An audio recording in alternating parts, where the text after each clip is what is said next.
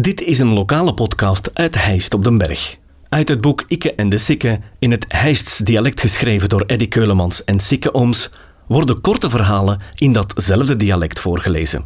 Dit vertelselke werd ingesproken door Frans Delft. De stannen en de vongen. Turnen en lataan. De Jocke van Mulder, dat was een gevallenpaad. Dat heb ik al wat dukjes gedaan. Maar in dat neem liepen nog figuren rondtellen. Voor turnen hebben we de stannen Holemans. Die was van de kanten van Eschot. En dan is door later directeur geworden in het KA. De stannen hadden een gruwelijke hekel aan iemand met tuttenfruit in zijn mond. Die kreeg garantie straf. We hadden geen kleedkamers. En we moesten ons omkleden beneden in de kelder aan de chauffageketel.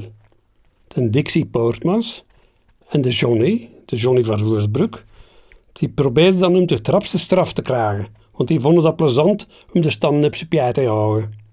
Als we de kelder ingingen, stoken die het spresten te de fruit in de mond en dan mocht knazen, totdat de standen dat in de mot kreeg. Dan riep hem, Poortmans, twee bladzijden over de gedachte van een goudvis in een plastic zakje. En dan schreef Dixie in grote letters een keer of honderd, blub, blub, blub. En dan was er wat te voeten.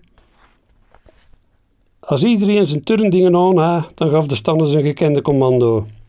Zet jullie klaar richting omloop. En dan moesten we last achter de Hof van Riemenstraat inlopen. Dan last maken Kes en Lotte Vlemings rond Hof van Riemen dreef in. Halverwege de dreef linksaf neven de waar van Manders van Krummejan en de Hof van Jeroen Vermeulen tot vlak voor deur. Want daar stond hem dan ons op te wachten met zijn chronometerke. Dan waren we goed opgewarmd en dan mochten we een matchje shotten. Op het gijs achter de school als het goed weer was. Op de koer in klein als het te koud was of als het regende, want dan was dat gestig lattig. De stannen speelden liever zelf volleybal. Maar dan net opstellen dat duurde allemaal veel te lang en gelukkig kon hem het hem meestal toch overtuigen om te meegeschotten. Dan zette hem zijn eigen altijd bij de beste ploeg, want dat kon slecht tegen zijn verlies. En dan speelde terwijl u elkaar bitter, om de match indien nodig in zijn voordeel te kunnen manipuleren.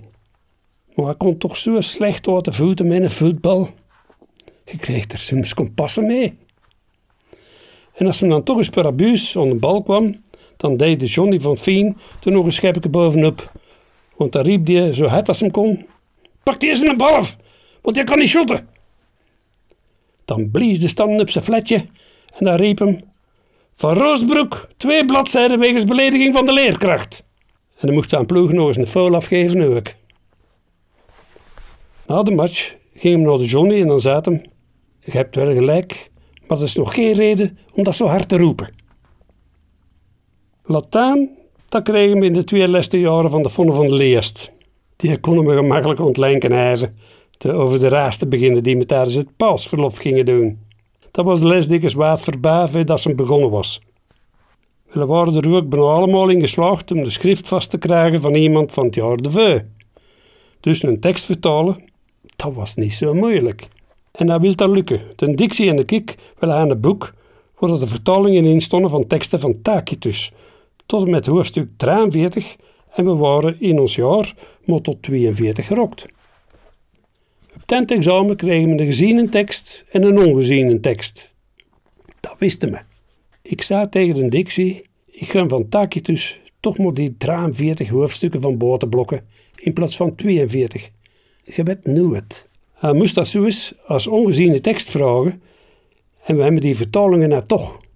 Dat is een goed gedacht, zei Dixie. De kans is wel klein, maar je kunt het nooit niet weten. Zanderendaags was het examen en de vonne kwam plechtige klas binnengestapt. En hij zei, voor de versio, dat is een ongeziene tekst, mogen jullie vandaag kiezen. Iets van Vergilius of iets van Tacitus.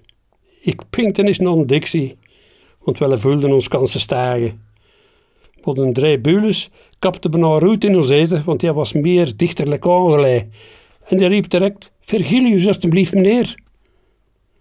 Gelukkig liet Dixie zijn eigen niet overbluffen. En toen dat ik ook mee Tacitus, Tacitus, Tacitus begon te roepen, toen zwichtte de vonne verder meerderheid en zei Oké, vertaal dan maar hoofdstuk 43 van Tacitus. Ten Dixie en ik allebei zo blaasne kermisvogel natuurlijk. Want we kenden dat tekstje los van boden. We hebben toen expres tot zogezegd een uur gewerkt en ook een paar foutjes gemokt, want het mocht niet te het opvallen. Maar we zouden toch lang voor die andere mannen kunnen planken. En we worden er de cum laude, met 95 op 100. Pas op, eigenlijk hadden we die hoorzakkerij niet nodig, want we konden redelijk vloeiend Latijn zullen. Beter dan dat Frank Bergemeesterke van Antwerpen. Kan er even niet op zijn naam komen. Moesten het geweten hebben, zei de Jokke van Mulder gezegd Weet de gelle wel hoe klein dat de kans is dat hij nog wat duizenden Latijnse teksten juist die tekst gaat kiezen? De vonden deed je toch wel zeker. Wel, we waren nog eens pietzakken en mannetjes. Deze podcast kwam tot stand dankzij Huisdresselaars en Tropical. Volg de podcast op Facebook. Reageren kan je via de website ditishijst.be slash ikke en de of ikkeendesikke.be.